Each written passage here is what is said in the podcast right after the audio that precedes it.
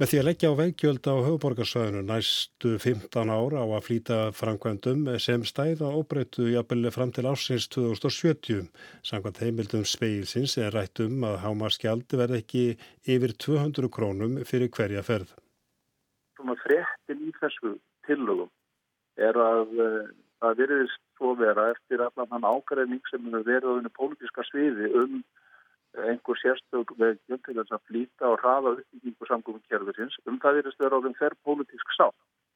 Þar sem að áttaka í raun aftur á stjórnmálaflokka likur að baki þeirri vinnu sem samgóngur á þeirra er núna að, að komin á lokastími og var að kynna fyrir okkur í gerð. Saði Jón Gunnarsson að þingmaður sjálfstæðisflokksins og fyrirverandi samgöngur á þeirra í hátíðisfréttum í dag. Þetta er ekki í fyrsta sinn sem veggjöld eru nefnd til að flýta framkvæmdum. Jón Gunnarsson, þá samgöngur á þeirra, létt gera úttekt á mögulegum veggjöldum til að standundi framkvæmdum á suðvesturhortinum og forveri hans í starfi Kristján Möller var líka með veggjöld á sínu borði. Nú verist hins vegar að hafa nást þverrpolítísk sátt. Sigur Ingi Jóhansson, samgöngur á þeirra, kynnti snemma í gerðmorgun hvernig áallega er að staði verða framkvæmdum á höfuborgarsvæðinum á næstu 15 árum. Eftir þann fund var búist við að bóðað yrði til blagamannafundar setnum daginn og kynnt undirskrifa samkómlag sveitarfélagan og ríkisins. Ekkert var þó úr því. Eftir fundar á þeirra með sveitarstjórnarmönnum kynnti hann stjórnarflokkunum þremur málið á einum fundi. Þar koma fram með ymsar aðtóðsendur en þó ekki þess eðlis að þingmenn væri á móti áformánum. Þingmenn vildu nánari skýringar á því meðal annars hvernig þessi áform rýmuði við samgöngu áallun sem samþygt var í februar. Einni vildu þeir fá nánari skýringar á því hvernig innheimtu veggjalda yrði hátað. Þetta var til þess að ráð þeirra taldi vantarlega ekki rétt að kynna fjölumilum máli strax. Nú er gert ráð fyrir að pakkin verði formlega kynntur og undirrituður á allra næstu dögum. Eins og framkomi fréttum rúi gæri er gert ráð fyrir að 125 miljónu króna verði varið til vegamál á höfuborgarsvæðinum á næstu 15 árum eða til ásins 2033. Af þessu fara 70 miljardar króna í að leggja borgarlínum, jáfnframt verði farið í ímsar aðrar vegafrangvandir, til dæmi skattnamáta bústaðavegar og reikjarnisbröytar sem eiga hefjast 2021. Í heldarpakkanum er þið hlutur sveitarfélagana á höfuborgarsvæðinu um 15 miljardar krónan og ríkisins um 50 miljardar. Ríkið stefnir að því að selja Kjeldnalandi til að afla fjár til framkvæmdana með veggjöldum á einhemta 60 miljardar krón á næstu 15 árum. Í áformum sveitarfélagana og ríkisins er ekki talað um veggjöld heldur flíti og umferðagjöld. Eftir því sem næst verið komist er verið að tala um tildula lágjöld sem eru innhemta á helstu stopprautum með rafrænum hætti og færu bæði eftir umferðar álægi á hverjum tíma og aðstus lengt. Þau erðu herra og há annað tíma og lægra á öðrum. Það er verið að tala um gjald sem gæti verið allt innir í 60 krónur. Þó að þerrpolitísk sátt hafi nást meðal sveitarafélagana og stjórnarflokkana er næsta vísta tekist veður á um málu þegar að kemur að því að leggja fram endun í aða samgöngu áallun. Ímsir hafa líst yfir anstöðu veggjöld, ekki sér rétt að leggja enn eitt skattin á landsmenn. Normin hafa innheimtu veggjöldum ára bil á síðustu árum hefur anstæðan þar aukist í síðustu sveitarstjórnarkostningum buðu fram flokkar sem sérstaklega voru stopnaði til að draga úr innheimtu veggjaldan. Þessi flokkar er fengutalsveit fylgi en þessi líka geta græningar sem stiðja veggjöld út á umhverju sjónaviðum unnu líka á. Ímsum finnst að stjórnveldi Nóri hafi farið offar í innheimtunni, gjöldin séu íþingjandi verið þá sem lagstar hafa tekjurnar og þurfa að fara til vinnu í bíl. Í speiklunum í fyrra var fjallað um veggjöldin í Nóri, þar var nefnt dæmum einstakling sem greiðir hámaskjald eða sem þarf nær daglega að greiða veggjöld. Í hans tilfelli gætu greiðstur um 500.000 krónum ári, halvri miljón. Í þessu tilfelli námu greiðslur vegna veggjaldanar í 10% af áslaunu þessa einstaklings. Hins vegar lækar þetta hlutvall eftir því sem tekjurnar eru herri. Svo virðir sem þau veikjöld sem tilstendur að innhemta hér verið talsvitt lægri en þetta. Þess vegna er til dæmis ekki víst að verkefniseyfingin muni mótmala kröftulega.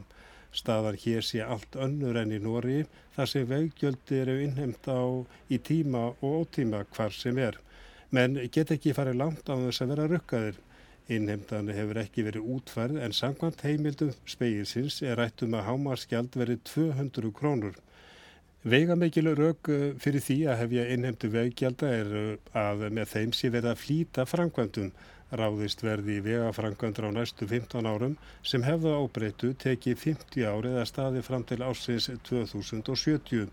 Myndir á eftir að skýrast þegar samgóngur áþur og sveitarfélögum telja máli tilbúið til undirskriftar og kynningar búist er við að það verði á allra næstu dögum.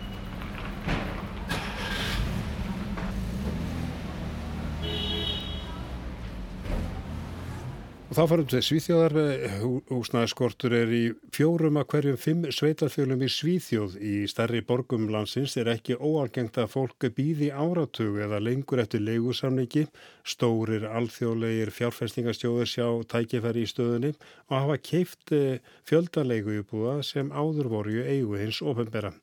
Kári Kilvarsson í Gautaborgu tekur við.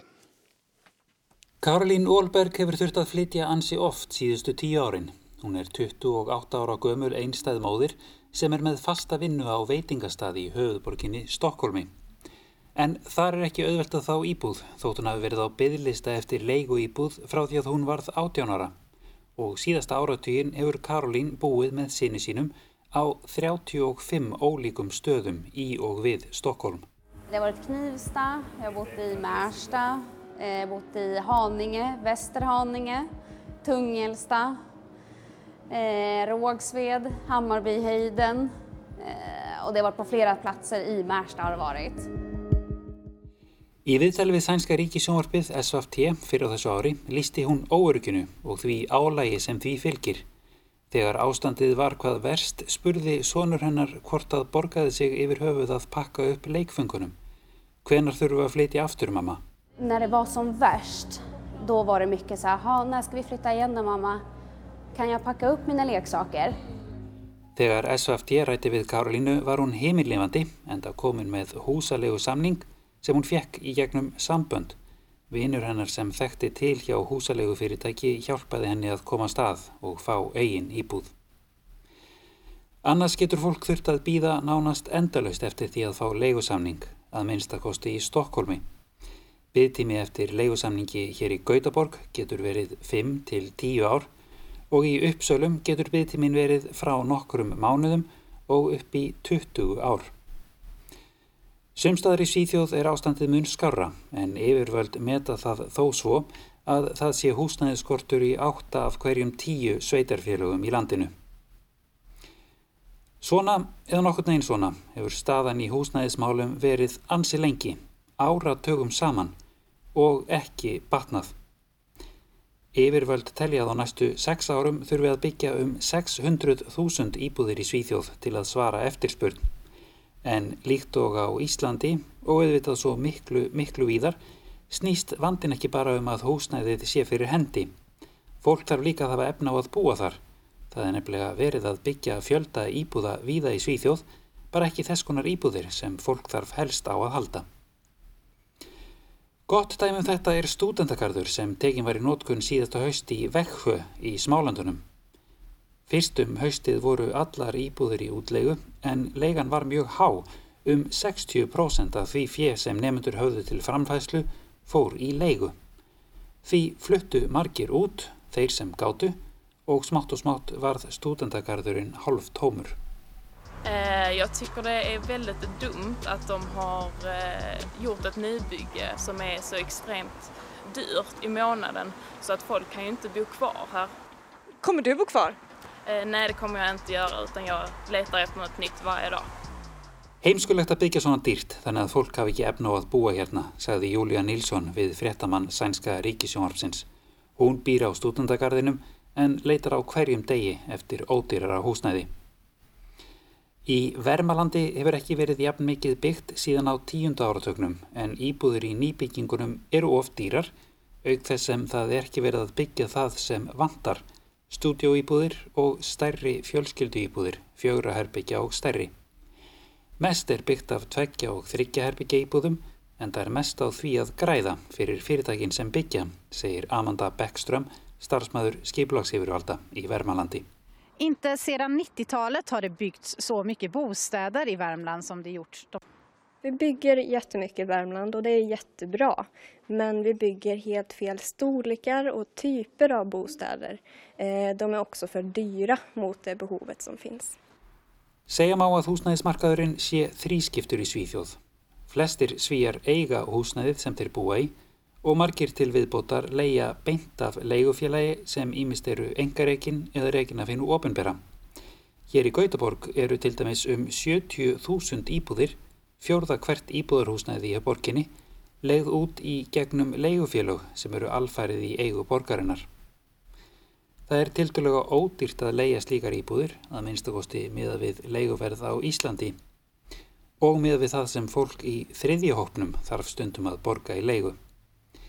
Í veikastri stöðu eru nefnilega þeir sem kalla mætti undirleijandur, það er fólk sem leigir af þeim sem leigir af eiganda húsnæðisins. Undirleijandur geta lendi því að ógrað sé á leigunni, þeir neyðast oft til að leia húsgögn með íbúðinni og borga aukulega fyrir það og það sem líklega er verst, þeir búa við lítið öryggi. Það er ekkert að segja upp leigusamningum þeirra með litlum eða engum fyrirvara. Stóru leigufélagin gera það þó að verkum að á húsnæðismarkaðinum er ákveðin stöðuleiki, ákveðið öryggisnett, jafnvel þótt byggtímin geti verið afar langur. Leiguverð er svo háð samningum milli fulltrúa leigufélaga og sænsku leyendasamtakana og samið um hvað teljist eðlileg hækkun einu sinu á ári. Kosturinn fyrir leyendur er að leiga er tiltölu að lág og ólöglegt að hækka hana mikið og skindilega. Andstæðingar fyrirkomlagsins telli eftir á móti að það leiði til þess að færri leiguýbúðir séu byggðar. Við stjórnarmyndunauðiraður í vetur var eins og er meðal annars samiðum að gefa leigu frjálsa þegar kemur að nýbyggingum. Það þýðir að hægt verður að byggja nýtt leiguhúsnaði og rukka leigu í samræmi við markaðsverð en ekki leiguverðið sem samið er um við leyendasamtökin. Og fleiri breytingar eru í farvatninu. Stórir alþjóðlegir fjárfestar hafa verið að sína sænska húsnæðismarkaðnum aukin áhuga. Dæmi um þetta er Albi Berget. Við Albi Berget, sem er í Bútsirka, rétt utan við Stokkólm, er fjöldi stórra íbúðarblokka sem reist voru í átaki stjórnvalda á 7. og 8. áratögnum, miljónprogrammet, þegar ríflega 1 miljón íbúða og minni fjölbílisúsa var reistur um allt land til að mæta miklum húsnæðiskorti. Húsin við Alvíberget eru mörg í báu ásaukomulegi en það hefur eigandin, sveitafélagið Bútsirka, vanrægt viðhald þeirra. Árið 2013 voru svo um 1300 íbúðir seldar til sænsks fjárfestis sem átti að vera langtíma fjárfestir. En hann seldi íbúðunar aftur í fyrra, fyrir helmikið hæra verð, til dótturfélags banderiska vogunarsjóðsins Blackstone. Talið er að nýjir eigendur ætli sér að gera íbúðunar upp smám saman þegar núverandi leyendur flytja út og hækka svo leiguna verulega þegar þær verða leigðar út aftur.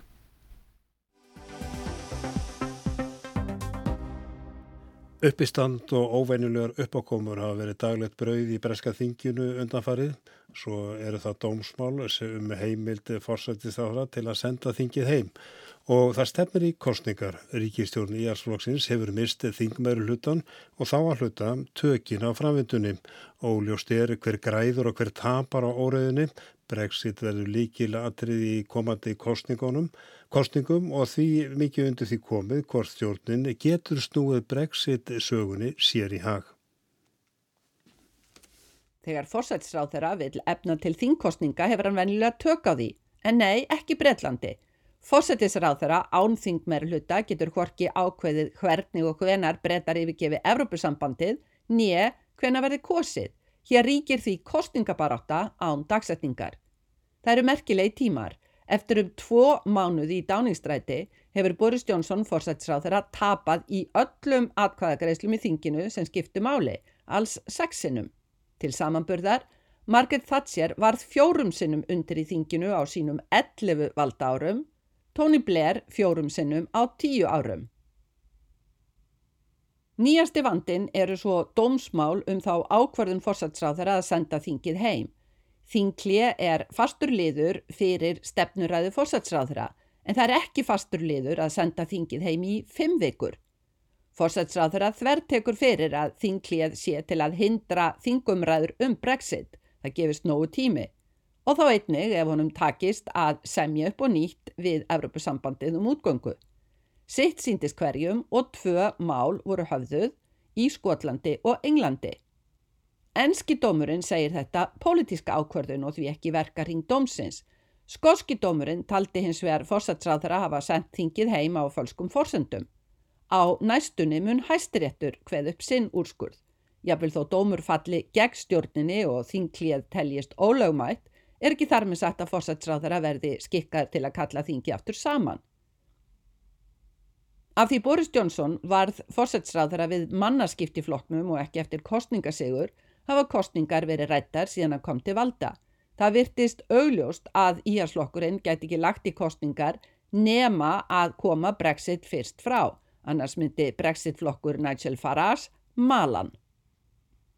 Til að tryggja nú Brexit reyndi fórsætsráðara að fá þingið til að samþykja kostningar um miðjan oktober, hugðist þannig fá stuðning þjóðarna til útgöngu sama hvernig.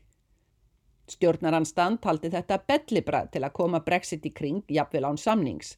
Hún hafði því í gegn lög sem fresta Brexit fram í janúarlog verði ekki samið. Reyndar þarf ESB að samþykja frestun önnur saga. Johnson er nú í leit að sigursögu fyrir kostningarnar. Ef hann hefur ekki Brexit sigursöguna, þá sem bjargvætturinn í stríði við þingið sem skellir skottleirum við Brexit vilja þjóðarinnar. Hann hamrar nú á tvennu að hann ætli að semja við Evropasambandið um útgöngu þó hann ræðist ekki samningsleysi, ella samningur eða ekki og þrátt fyrir lög, útgangan verði í lok oktober og hann byrði ESB alls, alls ekki um frest. Spurningin er hvernig hann ætlar að koma þessu heim og saman. Segir hann af sér ef ekki hefur samist um íðan oktobera því hann vil ekki krjúpa fyrir ESB. Vandin er að þá missir hann öll tök á brexit framvundunni þó hann gæti kannski í kostningabaratunni slegið sér til rittara fyrir staðfestuna. Þetta gæti þó styrt hættulegast anstæðingin Brexit-flokkin. Farage býður Johnson ákaflega í kostningabandalag sem fórsætsræðra hefur hingað til hafnað staðfastlega. Hvað er þið eftir kostningar annað mál, en slíkt samkrull ofbýður bæði harðakjarna íhalsflokksinn sem Johnson gerir sér svo dælt við, svo ekki sér talað um hófsamari íhalsmenn. Ef nú Johnson næði samningi við ESB gæti hann upplifað þrengingar forvera síns Theresa May. Hennar samningur fjall kvorki í kramið hjá Brexit sinnum nýja ESB sinna þingmönnum sem feldan þrísvar. Þingheimur er þó kannski orðin Brexit þreytur og samningsfúsar en áður. Með samningi fást tvö ár til að semja um framtíðarsambandi við ESB sem breytar eru þá samhliða þann tíma. Þó ekki á vísan að róa, þingheimur er í uppreysnarham. Í yfirstandandi hremmingum getur Johnson glatt sig við að skoðanakannanir sína stöðut forskot íhalsflokksins á verkamannflokkin. En kjósundir eru óstöðulindir, skoðanakannanir ótröstar og alls óvist að íhalsflokkurinn næði meiri hluta þó hann fengi flest atkvæði. Einmitt af því kostningar mun ekki endilega skýrar brexit-línurnar er afturfarða að ræða aðra þjóðaratkvæðagreðslu en einn breytan í pólitíska púsluspilinu hér. Kostningabaráttan mörguð brexitumræðinni mun verða eitilhörð og útkoman óljós. Líkt og dagsetning kostningana. Sigrun Davíðsdóttir staði frá, er þið sæl.